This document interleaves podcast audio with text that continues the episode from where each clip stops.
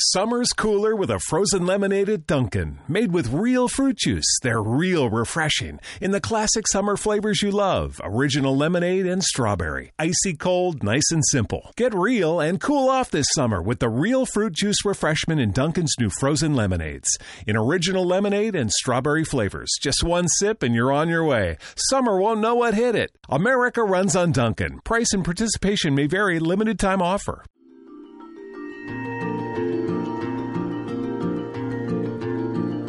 Here we go. I have graduated from the bathroom floor to sort of home studio that Phil and Derek, my producers, have set up for me. I feel I feel a little more official. I feel like I'm a bit more of a grown up.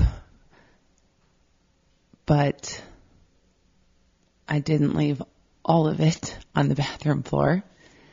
In fact, this episode, this first PS that I did a few weeks ago, shocked the heck out of me. I had no idea, really, the kind of outpouring there would be from all of you. That this was going to be uh, not as much annoying to hear from me as needed for myself more than anything because you all came forward and said, You get it. You're there. You've been there. I'm not alone. More, please. It was totally unexpected and beautiful and brought me to tears numerous times thank you to everyone who reached out and gave me that virtual love. I promise you it is more valuable than you'll ever know. My hope was to do another one of these before I left on honeymoon and life got nuts as it does and I started my honeymoon worrying because I hadn't pulled off an episode before I left. And that really started kind of this whole idea for for an episode about worry. I never thought it was a worry word. I kind of poo poo in my mind people who worry about things, who worry that it's going to rain today or that, you know, they forgot an umbrella or are just kind of constantly in a state of fretting about the silliest things. I kind of pride myself on having perspective and, and knowing what's important. And I spent the last couple of weeks really at the at the support and gentle prodding of my husband, looking at how much I really do worry. And when I watched those thoughts go by in my mind, I realized that they are constant. I am constantly sort of hedging my bets and thinking about worst case scenarios versus all of the beautiful surprises that could be in store for me.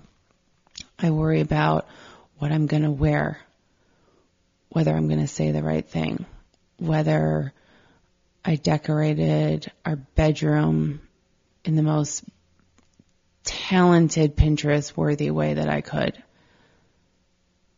When I don't know if I really care about that as much as whether I did something well enough whether I'm good enough.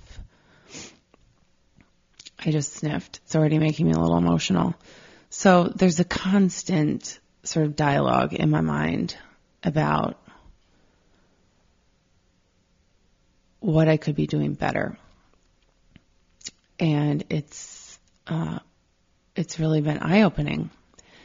So I went to unpack that a little bit and called upon the wisdom that I've learned from healers over the years and the books I've been reading lately, a lot about Buddhism, which was fitting because we were in Thailand and surrounded by a different way of living and being and that's rooted in Buddhism. And what I concluded is that my worry is to avoid pain or suffering.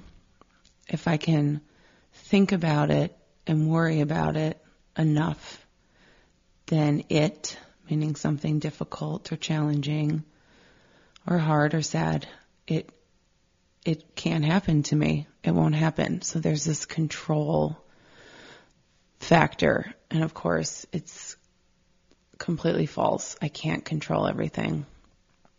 Instead, I'm spending my time and my energy and my heart and my gifts worrying. uh, so to take that a step further, I go to these Buddhist teachings and I look at um, the fact, the fact for all of us. The reality is that we can't avoid pain and suffering. It's part of life. Yet I think I've been trying to avoid it my whole life. I think I'm so afraid of it that it, that it has kind of twisted and turned itself into a self-fulfilling knot, so to speak. And so right now I am working on trusting that whatever I'm avoiding or whatever I'm afraid of, that whether it comes or not, I can handle it. There's a little more unpacking in there. Why do I think I can't handle it? Why do I think I'm not strong enough or smart enough or good enough or deserving enough? Oh, the therapy sessions I could look back on. It's probably going to be a lifelong journey in there. But I wanted to share this with you and get your thoughts. And also, perhaps we can all sort of watch this worrying thing together and free ourselves so that we can spend more of our our energy and our heart space, trusting that the universe has our back, will always have our back. And instead, get excited about the amazing things we haven't even considered are are coming for us. Thanks so much for listening. I've got some really amazing healers lined up for the rest of this season. They're actually listeners and who have been on their own uh, healing journeys. And I'm really drawn to this idea of the healer within us all. That's where Healers Wanted, our hashtag, comes from.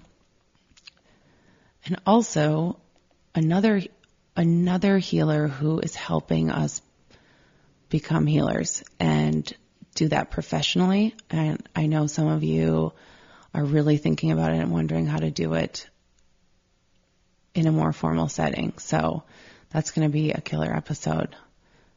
I'm sending you so much love and light. And if there's anything I can do for you, please reach out. HealersWanted.com. I'll see you so soon. Namaste. For notes from our show, visit healerswanted.com. If you love this episode, please subscribe to Healers using your podcast app or on iTunes.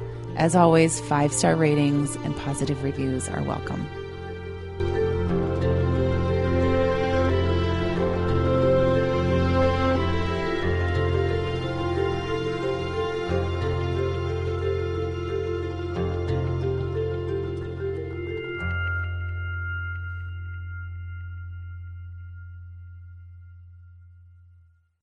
Summer's cooler with a frozen lemonade at Dunkin', made with real fruit juice. They're real refreshing in the classic summer flavors you love original lemonade and strawberry. Icy cold, nice and simple. Get real and cool off this summer with the real fruit juice refreshment in Dunkin's new frozen lemonades. In original lemonade and strawberry flavors. Just one sip and you're on your way. Summer won't know what hit it. America runs on Dunkin'. Price and participation may vary, limited time offer.